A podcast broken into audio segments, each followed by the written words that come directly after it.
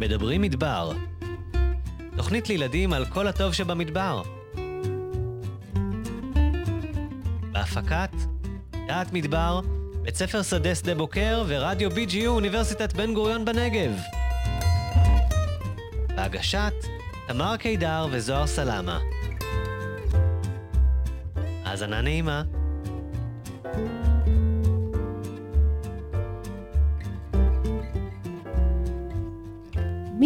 אל מול פנס מתחילים לזהור? מי מחילות יודעים לחפור? מי נחשבים מאובנים חיים? היום, בתוכניתנו מדברים מדבר, נפגוש את העקרבים. היי זוהר. מה שלומך, תמר? שלומי טוב, אבל אה, עקרבים, אני מוכרחה להודות, יש לי איזה עניין איתם. מזכיר לך זיכרון אה, כואב? כן, האמת שכן. אה, הבת שלי, כשרק הגענו למדבר, אה, היא הייתה בת איזה שנה וחצי, אני חושבת, יצאנו לשטח, לישון, הרגשנו שאנחנו משפחה מדברית כזאת, אוהל, עניינים. יצאנו לשטח אה, בבוקר, כשהבת שלי ככה... ככה ישבה ליד אבא שלה, הוא גלגל את, ה, את מזרון השטח, ואת הצק שינה, אני חושבת, לא זוכרת בדיוק מה זה היה. פתאום היא התחילה לצרוח. וואי, וואי. ככה, ואת יודעת, בהתחלה עוד הוא חשב שהיא דרכה על קוץ או משהו, ואני אמרתי, די, לא יכול להיות קוץ, כאלה צרחות. בקיצור, אני לא אספר לך את כל הפרטים, מה שהיה, היא נעקצה על ידי עקרב. שאחר כך הסתבר לנו בדיעבד שזה היה עקרב, אה, עקצן צהוב. עכשיו, אני באתי מהעיר, לא ידעתי, לא הכרתי, כמעט התעלפתי. ואמבולנס עניינים, הגענו לסורוקה, פוגש אותנו שם רופא נחמד, אה, שמסתבר שהוא למד בתיכון לחינוך סביבתי, שנמצא פה במדרשת בן גוריון. הוא בוגר של התיכון, והוא אומר לי, אימא'לה צעירה, מי יוצא לשטח עם כפכפי אצבע?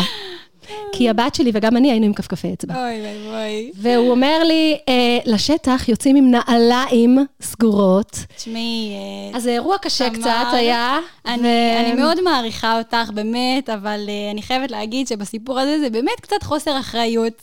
את יודעת, אה, אני, אני אני יודעת. גם, אני מהצפון, וגם בצפון יש לנו שם עקרבים, ותמיד יוצאים לשטח עם נעליים סגורות ומכנסיים ארוכים, ואין מה לעשות. זה... כן, כן, לא, מעכשיו אין אה, כפכפים, אנחנו גמרנו עם הסיפור הזה.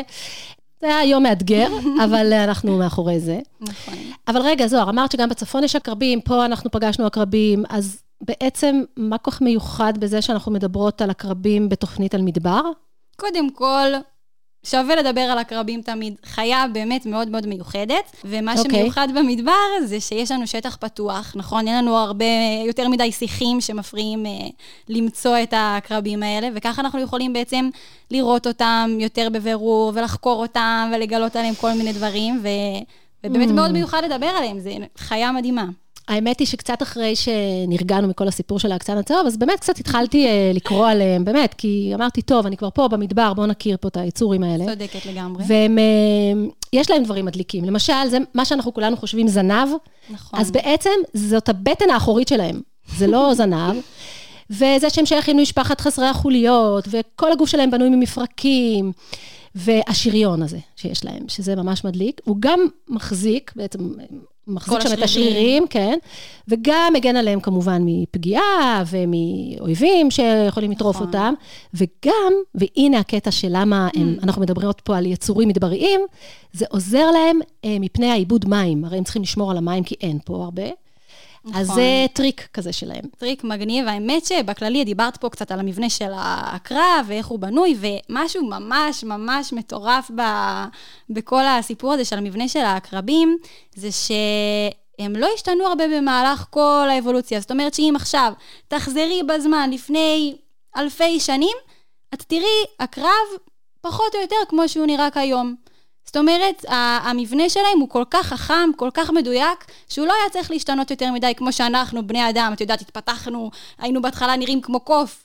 זוהר, את יודעת שהגיע אלינו ילד ממצפה רמון, שקוראים לו דניאל רון.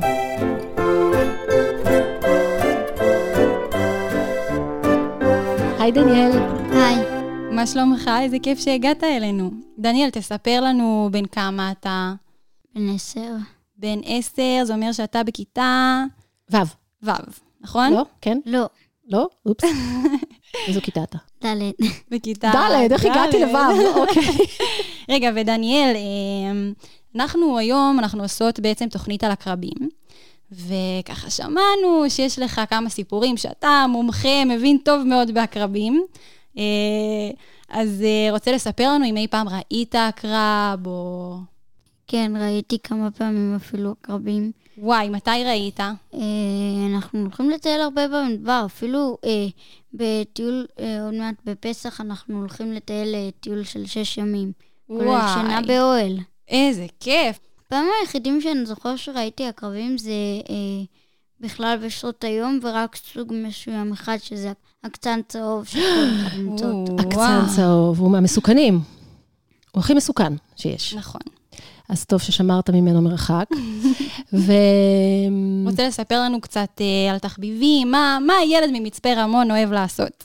אני גר אה, כזה, יש מתחתנו אה, חורשה. יש גם שביל משורטט, אבל אני אוהב לרדת את הצוק הזה שיש לנו. או-אה, הוא לטייל ברגל קטן. מהצוק? הוא יחסית די קטן ולא כל כך קשה.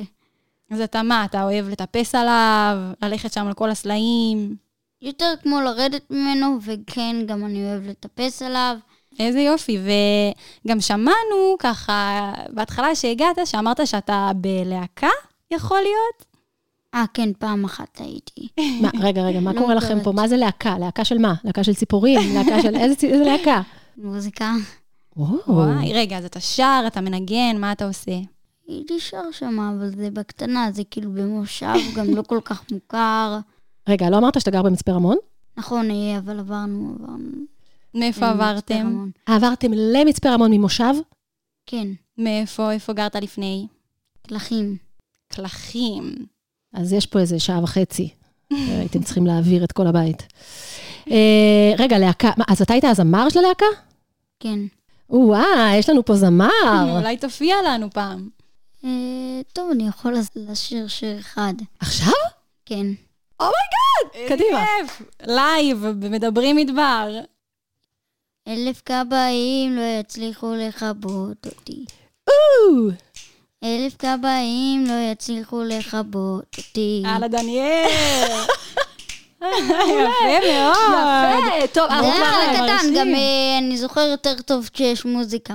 ברור, אתה צודק, קשה כך, גם התקלנו אותך פה באולפן, בלי כלי נגינה, בלי... נכון. כן.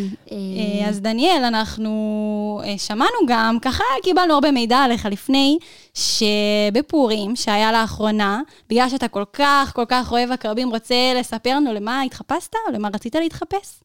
רציתי להתחפש לעקבן צהוב, אבל... להקצן צהוב? כן. Mm. איזה מגניב. ו- איך מתחפשים לזה? מה, שמים ככה שריון? מה מה היה לך בראש? מתחפשים פשוט לעקרב צהוב, ואז שמים בחלק הנכון של הזנב את השחור.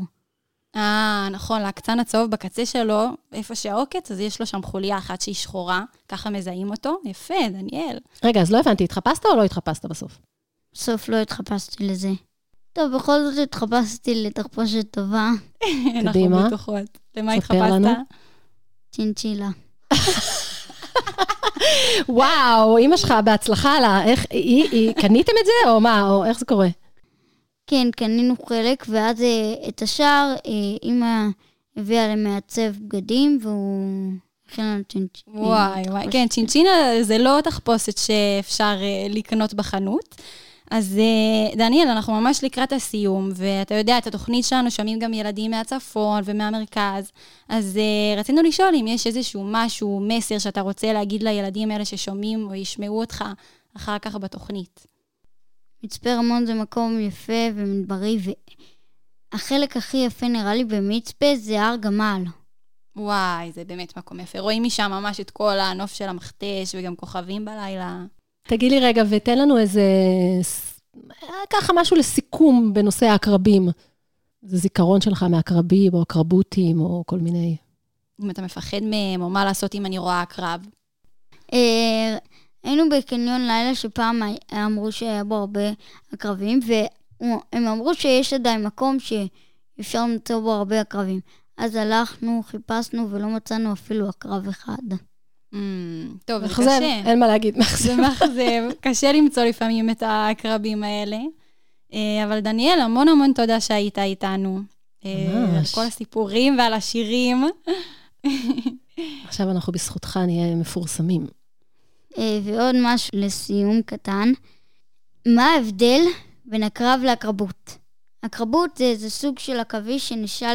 שמנסה טיפה להתחפש לעקרב, ואז מושך את העקרבים אליו, ואז אוכל אותם. איזה גאון, איזה טריק. ממש. אתה ראית את זה פעם קורה? לא, אבל שמעתי על זה בהחלט. איזה יופי, תודה שסיפרת לנו על זה, דניאל. אמ, טוב, אז תודה רבה שבאת רבה. אלינו לאולפן כל הדרך ממצפה. ביי. ביי.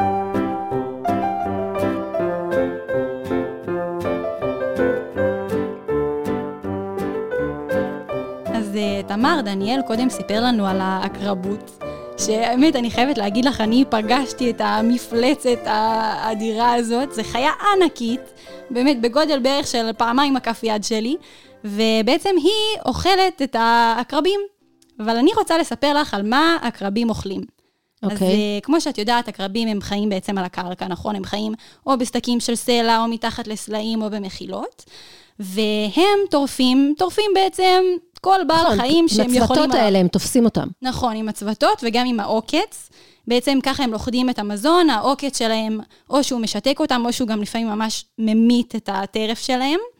ובעצם אה, הם טורפים כל דבר, כל חיה שקטנה מספיק בשביל שהם יוכלו ככה ללכוד אותה, מחרקים קטנים, פרוקי רגליים, כל מיני דברים כאלה, והם בעצם אורבים להם. יש, יש עקרבים שאורבים מחכים בעצם באיזושהי מחילה עד שהטרף עובר ואז הם לוכדים אותו, או יש גם כאלה שהולכים, אה, צדים ממש. אה, משוטטים, מחפשים להם את הטרף. טוב, אז, אז העקרבות אוכלת העקרבים, העקרבים אוכלים פחות או יותר הכל. אה, אז בעצם, אני אספר לך שיש גם מי שאוכלת את העקרבים. אה, אבל אולי אני אתן למידד בעצם שיספר את זה, הוא יספר את זה טוב. קצת יותר טוב ממני. אז אה, מידד היקר שמספר לנו על סיפורים תמיד, וסיפורים נפלאים, אה, כבר איתנו באולפן. היי מידד. שלום, שלום, כיף להיות פה. שמעתי שדיברתם קודם על uh, עקרבים, ומה עקרבים אוכלים, נכון. וגם שמישהו אוכל אותם. ספר לנו. אז באתי לספר לכם מי אוכל אותם. מי- לפחות מאחד, אחד מסוים שאוכל אותם, ואתם לא תאמינו. קודם כל, מתי העקרבים פעילים? באיזה שעות של היום בדרך כלל הם פעילים? אמ, בלילה? לילה? בלילה. אתם מכירים ציפורים שפעילות בלילה? הדורסי הלילה אולי? דורסי הלילה, או מי שלא מכיר, בעיקר אנחנו קוראים להם, אוהבים לקרוא להם ינשופים, נכון? Mm. אותם דורסי לילה. מה זה דורס לילה? דורס לילה זה קבוצה של ציפורים, שלמעשה אה, משתמשות בעיקר ברגליים ככלי הנשק שלהם, כלי הקטל. הם ניזונים מכל מיני אה, בעלי חיים שונים. יש דורסי לילה שניזונים מדגים, ויש כאלה מזוחלים שונים, ויש כאלה מנחשים אפילו, ומיונקים קטנים. ויש כאלה מפרוקי רגליים, זאת אומרת, כל מיני, כל ה... אה, עקרבים? בדיוק. ואחד מיוחד, יש לו שם מאוד אה, אה, מצחיק. למה מצחיק? כי בעצם הוא בכלל אה, מזכיר מילה אחרת. לציפור הזאת קוראים כוס. אוקיי. כוס, כוס זה אחד האנשופים, או אחד עושה הלילה הקטנים. הוא פעיל בעיקר בלילה, אבל הוא גם פעיל לפעמים ביום. אבל כיוון שהוא פעיל בלילה, אז יש לו גם, הוא חייב בעצם שאיזה חוש יהיה אצלו מאוד מאוד מאוד מחודד. הראייה. ראייה, נכון, וגם שמיעה. בדיוק. נכון. בלילה הקולות עוברים הרבה יותר הרבה יותר קל לשמוע. ומה שהם עושים, הם יושבים ופשוט מקשיבים, והם יכולים לשמוע את הצעד... מה, עד כדי דברים שאנחנו כך? לא יכולים לשמוע. כן. חוש השמיעה הזה מאפשר להם לאתר את הטרף די מרחוק, וחוש הראייה עושה את העבודה, את- משלים את העבודה. ומה שהם עושים, הם יכולים להתגנב לטרף שלהם, אם זה במקרה הזה, פרוקי רגליים בעיקר אצל הכוס, ועקרבים, מאוד אוהב עקרבים. ויש הרבה עקרבים בלילה, הם פעילים, יוצאים החוצה לאכול. ואם הם לא נזהרים, הכוס הזה יכול להתגנב ופשוט לקחת אותם. מה, הוא יורד עליהם ככה עם הרגליים ותופס בדיוק, אותם? בדיוק, יש להם. ציפורניים חדות, הוא תופס אותם ומנטרל אותם עוד לפני שהם בכלל יודעים מה קורה. עכשיו, איך הם לא שמים לב? אז לדורסי הלילה, והכוס הוא לא שונה מדורסי הלילה האלה, הנוצות שלהם, אם פעם יצא לכם ללטף באיזושהי פעילות טיבוע, משהו כוס, אתם תוכלו להרגיש שהנוצות שלהם מאוד מאוד מאוד רכות. וכשהם עפים בלילה, פשוט לא שומעים אותם. איזה קטע. אה, ממש זה לא שומעים אותם. אין לו מושג מה... לא יודע מה. קורה, כן? לא יודע מה קורה, הופ, והוא אוכל, אה, אה, לו בתיאבון את העקרב. אוקיי. אמ, זה הכוס שאוכל את העקרב עכשיו. גם הכוס, אתם יודעים, ככה זה בטבע. אתה אוכל, ונאכל. ולמחרת אתה גם יכול להיות ארוחה של מישהו. ובאמת, לא, מז- ממש אה, לא מזמן, אני אה, שוטטתי, יש אה, באינטרנט, יש פרויקט מאוד מאוד מיוחד שנקרא מצלמות אונליין, שלמעשה אתה יכול להיכנס לאתר, זה אתר הצפרות הישראלי, מהמם. ויש שם מצלמות שמציבים אותם מול קינים של ציפורים, בעיקר עופות דורסים. יש לנו נשר, ויש לנו אה, עקב איטי וחיוויאי, ואפילו אוח, שזה דורס לילה. עושים אה, להם גדול? פפרצי על ממש, הבית. כן, כן. ב- האח הגדול. 24, בדיוק, גם בלילה, 24 שעות, זה האח הגדול. הם, אה, אה, המצלמה משדרת מה שהם עושים, ורואים דברים מאוד מאוד מאוד מעניינים. ואז ראית פעם האלה- כוס תופס אה, אז עקרב? לא, אז אני ראיתי משהו אחר. אני ראיתי ציפור דורסת אחרת, אבל דורס יום. מהעופות הדורסים שפעילים ביום, אה, שנקרא הקו איטי. זה בין הדורסים הדי גדולים שיש לנו, מקנן בעיקר במרכז הארץ, בצפון, אבל גם בדרום. מהמם. ובקן אחד שנמצא אי שם בשפלה, כבר כמה שנים אנחנו משדרים משם, ויום אחד הביאה אימא עכבית לקן, כוס. אופס. הנה אכלו אותו. נכון. אז אותו כוס אה, מסכן, שכנראה עמד, אה, עמד לו, כמו שאני מכיר אותם, בדרך כלל עומדים על אבנים במשך הבוקר, שעות הבוקר, לפעמים אפילו הייתי רואה אותם בצהריים, וקשה נורא למצוא אותם, לאתר אותם, כי הם פשוט נראים כמו אבן. באמת? וזה קוראים להם כוס החרובות. יש לנו הרבה מהם פה? יש לנו די הרבה. כן, יש לנו די הרבה, יש פה ליד שדה בוקר, בניצנה. הם אוהבים אזורים עם אבנים, עם סלעים, ו... כי באמת כשהם לא זזים, קשה לראות. אה, בעבר אפילו הייתי רואה ב... ליד מרחב עם, מי שמכיר, באמת? בכניסה היה שם זוג שקבוע היה נמצא שם. אותו כוס כנראה לא, אה, לא, פספס. לא הסתווה מספיק טוב, והקו עלה עליו, ולצערו הוא סיים כארוחת צהריים. ולשמחתו של העקב. רב, בדיוק. בדיוק. וואי, מידד, כרגיל, הסיפורים שלך מרתקים. ממש, איזה תודה כיף. רבה. בשמחה, בכיף. ונתראה כמובן בתוכנית הבאה. בוודאי. להתראות.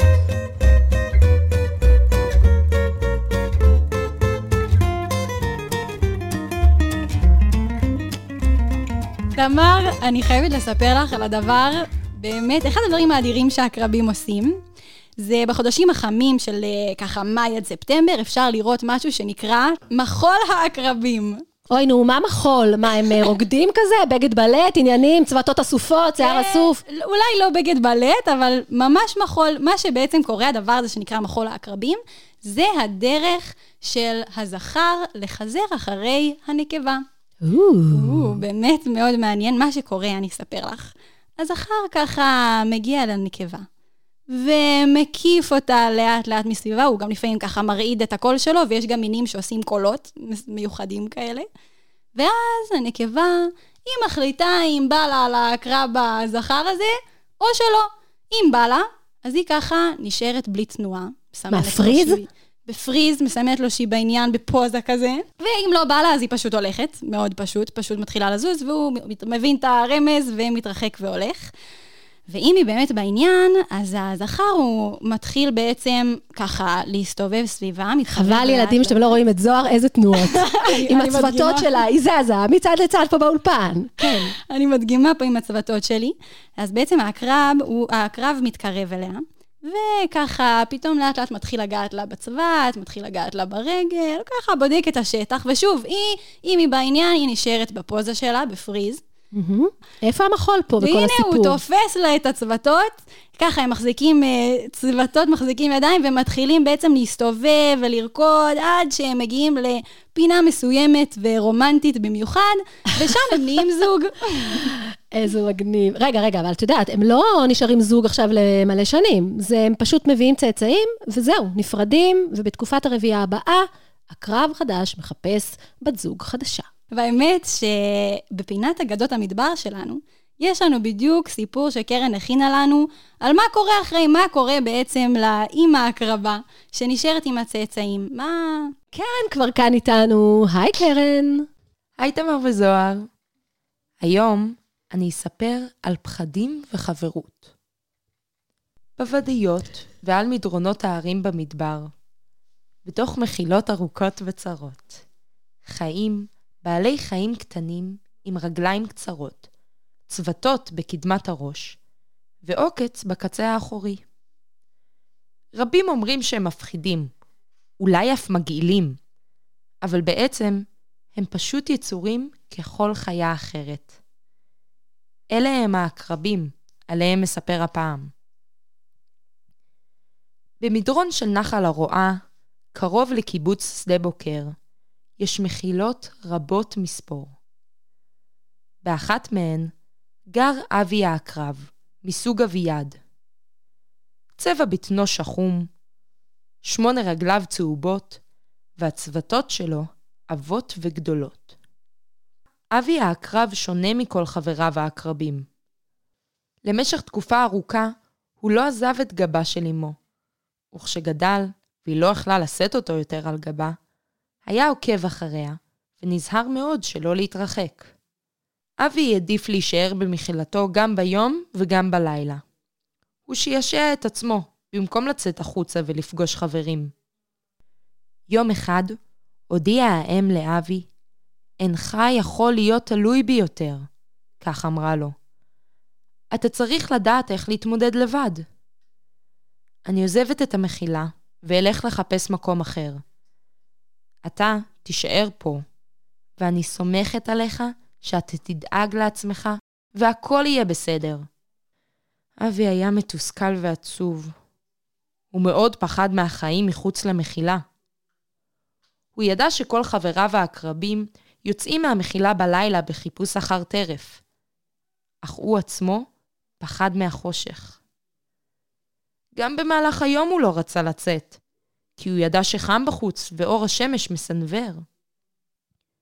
יום שלם נשאר אבי במחילה, לבדו. בלילה התחילה לקרקר לו הבטן. הוא חשב וחשב, ובסוף החליט. אני חייב לצאת מן המחילה ולחפש אחר עכביש למאכל. אבי התקדם בחשש ובאיטיות לעבר פתח המחילה. הוציא צבת אחת, והרגיש את רוח הלילה מקררת את גופו.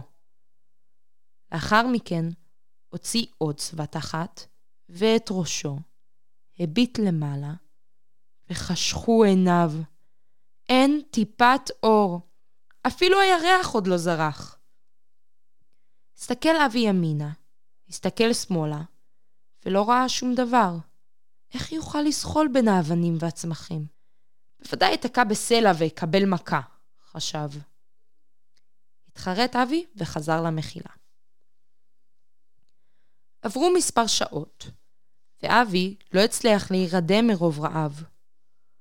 הוא ידע שהוא חייב לצאת החוצה. הוא חשב וחשב, והחליט שינסה הפעם לצאת בצורה אחרת. קודם יוציא את הבטן האחורית שלו, היכן שהעוקץ נמצא. ואם משהו יקרה, הוא יהיה מוכן להגן על עצמו. זחל אבי לאחור, הוציא את בטנו מחוץ למחילה, והמשיך להתקדם לאט-לאט, עד שכולו היה בחוץ. הירח כבר זרח בחיציו, וחלוקי האבנים הלבנים החזירו אור בהיר. אבי זחל מסביב למחילה שלו, ופתאום ראה עיניים צהובות ננצות בו. הוא שמע קולות קריאה צורמי אוזניים, והרגיש את משק הכנפיים של ציפור הטרף שאמו הזהירה אותו מפניה. הוא הרגיש כיצד הכוס עטה לעברו. אבי הניף את רגליו הקדמיות ורץ בזריזות בחזרה לתוך המחילה, לפני שהכוס הספיקה להגיע אליו. רק כעבור מספר שעות הוא הצליח להירגע מהחוויה האיומה והמפחידה הזאת. אבל הוא באמת לא ידע מה לעשות. הוא כבר היה רעב מאוד. לפתע שמע קולות של רגליים זהירות דורכות על האדמה הקשה בפתח ביתו. וקול נעים קרא אליו. אבי האביעד, זאת אני, ריקי ההקרבה. בוא החוצה. אל תפחד. נלך לחפש טרף יחד. בטנו של אבי התחממה כולה, והוא הרגיש איך הוא מסמיק. הוא עזר אומץ ויצא בפעם השלישית מן המחילה. מחוץ למחילה חיכתה לו, במלוא יופייה, ההקרבה ריקי. הכוכבים נצנצו בשמיים, מזג האוויר היה נעים, ונראה ששום דבר רע לא יכול לקרות. אבי וריקי הצמידו את הצוותות שלהם ורקדו את מחול העקרבים שרק הם יכולים לרקוד. לאחר מכן מצאו הכבישים למאכל, וכשזרחה השמש חזר אבי לביתו מאושר, שבע וקצת יותר אמיץ. מהלילה הזה אבי למד שגם אם מפחדים, וגם אם יש אתגרים שנראים בלתי אפשריים, צריך להתמודד עם הפחד ועם הדאגות, ופשוט לצאת ולהתנסות. אבל עוד יותר מזה, אבי למד כמה חשובה החברות. הוא הבין שאם ממש ממש מפחדים, חברים יכולים לעזור, וכך ביחד אפשר להתגבר על הפחד. תודה רבה, קרן, איזה סיפור מקסים. תודה לכם. נתראה בתוכנית הבאה.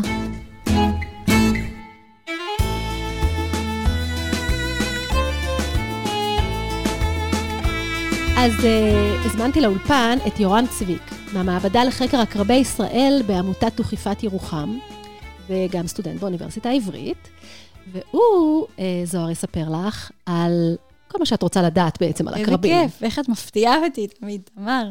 אז שלום יורם. אהלן. נעים מאוד. Uh, הבנתי שאתה עומד לענות לי על כל השאלות, יש לי לא מעט. אני אשתדל לפחות. Uh, השאלה הראשונה שלי, קודם כל, זה עכשיו ככה, דיברנו הרבה על עקרבים, ורציתי לדעת איך בכלל אתה הגעת לנושא, איך זה... למה עקרבים? כן, למה זה דווקא מה שהחלטת לחקור. אה, קודם כל, כנראה שנולדים עם זה, עם האהבות האלה לדברים המיוחדים האלה. אה, כבר משאני אה, הייתי נער, התעניינתי בעקרבים. זו קבוצה מרתקת, יש להם תופעות מאוד מאוד מיוחדות, יש להם מבנה גוף ייחודי. זו קבוצה מאוד קדומה ועתיקה. נכון, אנחנו- דיברנו על זה שהם אה, נקראים סוג של מאובן חי. נכון, נכון, הם ממש אחת הקבוצות הקדומות ביותר על פני כדור הארץ, ויש אה, תופעות מאוד מאוד מע- מעניינות שמתרחשות אה, בעקרבים. אז האהבה התחילה אז, אבל אה, כשמתבגרים, לפעמים קצת מתרחקים. לפני מספר שנים, ביחד עם רשות הטבע והגנים ועם האוספים הלאומיים באוניברסיטה העברית, אה, כתבנו את מדריך שדה לעקרבי ישראל. אני רואה שהבאת אותו נכון, גם נמצא פה על השולחן. זה יופי. וכתוצאה מזה החלטתי לחזור חזרה לאהבה הישנה ולצלול שוב לעולם העקרבים. כל אחד ו- ואהבת נעורים שלו. נכון. והיום אני חוקר פעיל, אני עורך במקביל מספר מחקרים על עקרבים עכשיו. מדהים. אה, יורם, ספר לנו קצת, אני בתחילת התוכנית סיפרתי על זה שבתי נעקצה מעקצן צהוב. ותעשה לנו קצת סדר בכל עניין ההרס והמסוכנים, לא מסוכן? כי יש הרבה מסוכנים, פחד סביב הנושא הזה באמת, אז אולי וגם קצת... אה, אי-ודאות. אז אה, בעצם, כאמירת אצבע, אמירת כנף, אולי זה יפתיע אתכן, אולי, אולי זה פחות יפתיע אתכן. עקרבים זה לא בעל חיים שמאוד צריך לפחד ממנו. ולמה? הם יחסית אלינו מאוד איטיים, בשונה למשל מנחש, שהוא יותר מהיר ממני. והוא, ואני לא יודע לאן הוא יזחל, ואולי הוא בטעות יגיע אליי וכן הלאה. הקרב, אני רואה, גם כשהוא רץ, אני רואה לאן הוא רץ, ובצעד אחד שלי, אני כבר במקום אחר מאיפה שהוא נמצא. והדבר אבל אם אני יושבת עליו במקרה או, ולא רגע, ראיתי... רגע, או- אז קודם כל הם לא ממהרים, הם לא מחפשים אותנו והם לא באים לעקוץ אותנו, והם מעדיפים לצלול חזרה למחילה שלהם או מתחת לאבן וכן הלאה. מתי כן יש פגישה לא מוצלחת? כשבטעות ישבתי עליהם, בטעות, או הכנסתי יד למקום שהקרב היה שם והוא מרגיש מאוים ושאין לו לאן לברוח. לשק שינה, למשל. למשל בשק שינה, ולכן כשאנחנו בשטח, מאוד מומלץ את הדברים לשים במקום מוגבה ולא על הקרקע, או לחלופין, אה, לנער אותם בבוקר ולהיזהר לפני שלובשים, לפני שמכניסים את הרגל הנעל, לפני שמתנגבים במגבת, לתת ניעור, ואז אה, להתחיל. אז בסך הכל אה, לא צריך מאוד אה, לפחד מהעקרבים, אבל ברגע שכן נעקצים, חשוב מאוד לדעת מה עקץ אותנו. כי ישנם מינים שהם עלולים להיות גם מסכני חיים. זה תלוי כמובן במי הנעקץ, כמובן שככל שאנחנו, שהגוף יותר קטן, תינוק יהיה יותר רגיש מאשר בן אדם מבוגר. האמת שיורם, יש לי סיפור. ש... אתה לא תאמין לסיפור הזה. כשאני הייתי תינוקת, אז, אה, אז התיישבתי על הקרב, והוא עקץ אותי, והייתי ממש ממש קטנה, אבל החיתול בעצם ספג ככה את כל, ה, את. כל ההרס, ו... ואני כאן היום. כן, כן. לא, לא, לא ישר איזה. כן, יש גם עוד תופעה מאוד מעניינת, שגם העקרבים שאנחנו יודעים שהם מסק- מסוכנים, לא תמיד מזריקים את uh, הקוקטייל של ההרס עצמו, אלא הם מזריקים איזושהי תמיסת מלחים שמאוד מאוד כואבת, אבל היא לא מכילה את המרכיבים המסוכנים של ההרס, ואז אנחנו לא יכולים לדעת את זה, אבל... ו- אבל אז אה, לא קורה כלום, אומרים, אה, איך עקץ אותו הקרב המסוכן הזה והזה, ולא קרה לו כלום. נכון, לא קרה לה לביתי. לא קרה כלום למעשה. אה, וטוב נכון, שכך. ש... וטוב שכך, אבל אה, יכול להיות שמה שעקץ אותה זה, למשל, לא, לא, לא, מה הבאת לפה? משהו שהבאתי פה, שהוא מאוד דומה לעקצן הצהוב, אבל הוא נקרא אה, צרבן ישראלי, אוקיי. חי גם באותם אזורים. אה, נספר זה- פה זה למאזינים. סגור הדבר הזה? אפשר לפתוח יש את ה... הקרב באולפן. אני בורחת. אני בורחת. סגרתי, הכל בסדר, המבחנה סגורה. אז באמת, הוא מאוד מאוד דומה, וקשה להבדיל, צריך, לא מספיק גם לתת אה, סימני שדה. אה, נכון שיש סימני שדה שהם קלים לזיהוי למי שכבר מכיר. למי שלא מכיר, ובמיוחד בכל ההתרגשות שראיתי הקרב, או עקץ אותי הקרב, אז זה לא מספיק. ולכן היום, במיוחד בעידן הסמארטפונים, אנחנו מבקשים, צלמו.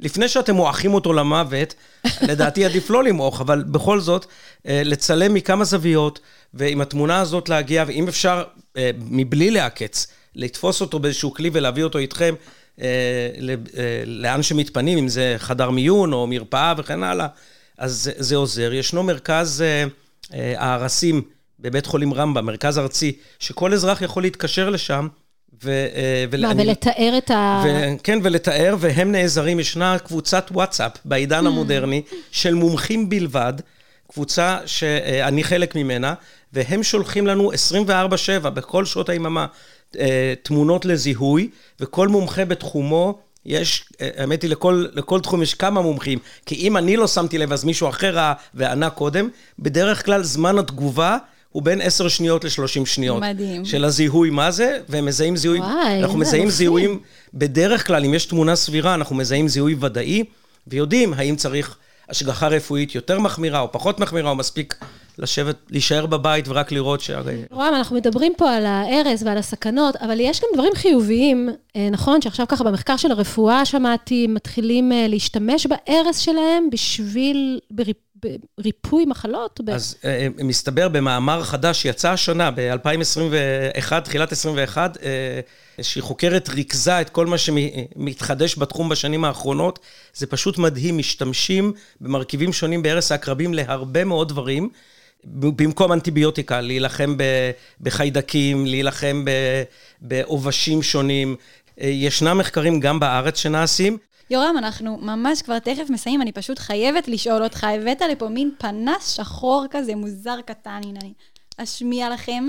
מה, למה? מה הקשר שלו לקרב שהבאת לנו? אז uh, לפני uh, uh, כמה שנים התגלה, במקרה, דרך אגב, זו הייתה קבוצת מדענים שחקרו מינרלים, ותוך כדי שהם העירו עליהם באור אולטרה סגול, הם ראו שעקרבים שהיו בשטח זהרו באולטרה סגול. ממש ומ- זהרו ממש באופן זהרו, בולט בשטח, מדהים. ועולם מחקר העקרבים השתנה, כי אנחנו יוצאים לשטח, תראו מה קורה לעקרב הזה. וואי, הוא נתאר. למאזינים, בצבע לכם, אה, צהוב, זוהר. עכשיו, אני יודעת גם, זה לא משנה אם הקרב שחור בכלל. נכון, לא משנה. באור אולטרה סגול הוא זוהר. נכון בצבע. מאוד, לא. משנה, לא משנה מה צבע הקרב. הוא זז, הוא זז. וכשאני הולך עם פנס אה, אה, רגיל, אני בקושי רואה עקרבים בשטח, וכשאני מדליק את הפנס אולטרה סגול, אני רואה אותם ממרחק של כמה מטרים. וזה כמו, השטח מלא באבנים טובות. פתאום מגלים. כמה מגלים. עקרבים וגם. אפשר לעקוב וללמוד על ההתנהגות שלהם, כך מבלי להפריע להם. תשמע, יורם, זה פשוט מרתק, ואני מודה שאני, כמו ששמתם לב לתגובה שלי פה, לא חובבת אה, גדולה של היצור, אבל uh, למדתי לחבב אותו בשיחה איתך, ואנחנו יכולים להמשיך ולדבר ולדבר, אבל אנחנו צריכים לסיים. תודה אה, רבה רבה לך. אה, שמחתי לשוחח איתכם על הקרבים. פעם ראשונה, אנחנו תמיד אומרות, נביא אה, יעלים לאולפן, נביא זה, פעם ראשונה בדיוק, הגיע שהיצור שעליו. כן, אז דרך אגב, לא ציינתי את זה, אבל אחד הדברים שאנחנו עושים פה בירוחם, אנחנו עושים סיורים מודרכים. אה, בעקבות הקרבים באמצעות פנסי אולטרה סגול שאנחנו מחלקים למשתתפים. מדהים. ואנחנו כולנו... מצוין, רק תיקח. אותו איתך בבקשה. אני אקח טוב, אותו כשאתה איתי יוצא חזרה. מפה, תודה רבה. קח גם אותי, נצא לסיור. נצא לסיור. תודה, יורם. יאללה, תודה. תודה רבה.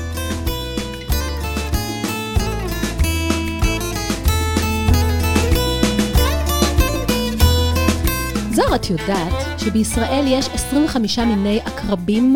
וואי, וואי, ותמר, את לא תאמיני איזה שמות יש להם. נו, מה כבר? אה, טוב, הקצן צהוב כבר שמענו. הקטן צהוב שמענו. יש גם חדצלה מגובשש. אוקיי. חכי חכי, עקרבון נגבי, נבו יריחו, שחרן יהודה, וואו, וואו, וואו, יש וואו. להם שמות אה, מאוד מיוחדים. אז אה, אפרופו שמות, ידעת שלא רחוק מכאן, ליד המכתש הקטן, שזה גם קרוב לירוחם, שמקודם אה, דיברנו עליה, אז יש כביש מפותל, ולידו מסלול טיול יפה, שקוראים לו מעלה עקרבים. ואבי, בפינת הטיול, יספר לך על זה. שלום, אבי. שלום זוהר ותמר, שלום, שלום. מה העניינים? טוב מאוד. נהדר. היום אני אספר על מסלול שנקרא מעלה עקרבים. אבל, אל דאגה, אנחנו נטייל בו בירידה. המסלול אה, אה, נמצא ממזרח למכתש הגדול ויורד מזרחה לכיוון אה, ערוץ נחל צין. הוא חלק מדרך ראשית קדומה מאוד מאוד חשובה, שחצתה את הנגב, ולמעשה הוא מוזכר כבר בתקופת התנ"ך, מספר פעמים הוא מוזכר בתנ"ך, מעלה עקרבים, אה, לאחר מכן נעשה בו שימוש לטובת מסחר בנחושת, מעבר הירדן למרכז הארץ ולמצרים. לאחר מכן הוא שימש גם את הנבטים במסחר שלהם אה, מחצי האי ערב לאירופה עם, אה, עם פסמים וקטורת. והרומאים, כשהם כבשו את הארץ, כמו שהם נוהגים בדרך כלל לעשות, הם אה, סוללים דרכים מאוד מאוד משמעותיות וטובות כדי לאפשר מסחר מוצלח ולצבא לנוע בדרכים האלה. והם עושים עוד משהו, הם בונים כל מיני מבנים לאורך הדרך, מיצדים, והיום אנחנו קוראים לזה חירבה, אבל אז זה היה מבנה מאוד מרשים, ששלט על הדרך ו- וצפה עליה ואפשר לחיילים אה, לשהות במקומות סגורים ומסודרים. אז לאורך הדרך הזו אנחנו נראה מספר מבנים כאלה, אה, והרבה מאוד נוף. נקודת ההתחלה היא על כביש 227. הכביש הזה, מסיבות בטיחותיות, נסגר לתנועה, ולכן לפני שיוצאים לדרך כדאי להתעדכן אם ניתן להגיע למסלול. המסלול, אורכו כולו הוא בכשבעה קילומטרים, בעיקר בירידה. הוא אינו מעגלי ולכן כדאי מראש להיערך ולהשאיר רכב בנקודת הסיום, אני אתייחס לזה בהמשך. נקודת ההתחלה המדויקת היא בסמוך לאנדרטת מבצע הערבה. תחילת המסלול על שביל ירוק. אנחנו ניס, נלך אה, מערבה בערך קילומטר ושבע מאות מטר, נגיע לנקודת פיצול עם נחל גוב, נעזוב את השביל הירוק ונעבור לשביל שחור, איתו נמשיך לנוע מערבה עוד כקילומטר ושש מאות מטר עד למיצד ספיר. יש שם גם שרידים קדומים יותר של תחנות אה, אה, נבטיות קדומות, אה, תחנות מסחר נבטיות קדומות. ה- המיצדים האלה, אבי, הם גם מקומות עם צל? זאת אומרת, זה מקום שכשאנחנו עוצרים זאת אפשרות לעצירת צל, או לא ממש? לא. מה לא שרואים ממש, בדרך אוקיי. כלל זה מספר קירות בגבהים שונים, אבל לא משהו עם קירוי. אוקיי. אה, תלוי בכיוון השמש ותלוי בשעה, אפשר לעצור אולי בשעה מסוימת ויהיה אבל יש שם קצת בדרך צל. כלל רוח שאפשר אה, לעצור נכון. שם, כי זה יחסית נכון. גבוה. דרך אגב, הכינוי של המקום הזה בערבית הוא קצר צופרה, וואו, ש- מה זה אומר? שבעברית זה בעצם מיצד שר... שריקות הרוח. אה, הנה הרוח שהבטחתי. לכם. את הזכרת לי. אה, מהנקודה הזו אנחנו אה, נ- נרד אה, מזרחה, ולאחר כקילומטר ו-600 מטרים נגיע לחורבת ספיר. חורבת ספיר זה מבנה קצת יותר גדול, יותר מרשים אה, מהמיצד שראינו קודם. היא שימשה כמחנה ראשי של חיל המצב הרומי ששמר על הדרך. משם יש נוף באמת מאוד מאוד יפה מזרחה, גם אה, לבקעת סין שנמצאת ממש למטה, וגם יותר רחוק לכיוון הערבה, ועוד יותר רחוק להרי אדום. הרי אדום שבירדן. וואה. נכון. מהנקודה הזו, אנחנו בעצם נבחין בחציבה וסיטוט של הדרך מהתקופה הרומית. אנחנו ממש נראה מדרגות ש... שלפני 1800 שנים חצבו בדרך כדי לעשות אותה הרבה יותר נוחה לטיפוס או לירידה. הדרך עצמה, או הקיר שעליו אנחנו אה, הולכים, הוא מאוד תלול, ולאחר סיטוט ויצירת המדרגות, הוא אפשר למס... לשיירות גדולות ולחיילים ולבעלי חיים שנושאים אה, מסעות, לעלות ולרדת בצורה יותר קלה. מהחורבת צפיר, בערך לאחר שני קילומטרים, אנחנו מגיעים לנקודת הסיום. אה, פשוט נרד במעלה, כמו שאמרנו, עם המדרגות, נגיע לנקודת הסיום. נקודת הסיום היא במקום הרבה יותר נמוך מנקודת ההתחלה. אה, זה יהיה די בסמוך אה, לערוץ של נחל צין. זו גם הנקודה שבה כדאי להשאיר את הרכב של האיסוף. ההוא מתחילת הטיול. ההוא מתחילת הטיול, שזה ממש נקודת הסיום של הכביש המתפתל, הכביש הסלול המתפתל, אה, כביש האספלט, ליד מבנה נוסף שנקרא רוגם צפיר. זה גם איזשהו מבנה ששימש את הצבא הרומי, מבנה קטן, ושם אפשר להשאיר את הרכב לסיום. אה, אני מקווה שנהניתם, שלא מה היה מאוד שבעיקר קשה. מחכה לנו נוף מקסים. נכון, ושלא היה. מאוד קשה לרדת במעלה. במעלה הקרבים. אם יש עוד שאלות או פרטים שתרצו אה, לגלות, אז באתר דעת מדבר או בבית ספר שדה שדה בוקר, צוות ההדרכה ישמח לענות לשאלות. מצוין. תודה תודה, רבה. אבי. יאללה, תמר, כמה כוח יש לך? את מוכנה לעשות את מעלה הקרבים? אולי נלך עם פנסים בלילה, נחפש עקרבים. טוב, בסדר, אבל הפעם, תמר, תבואי עם נעליים סגורות. אוי, נו, לא תשכחי לי את הכפכפי אצבע האלה מתחילת התוכנית. אה, אוקיי, מעולה. אז אנחנו זזות. יאללה, אחרייך.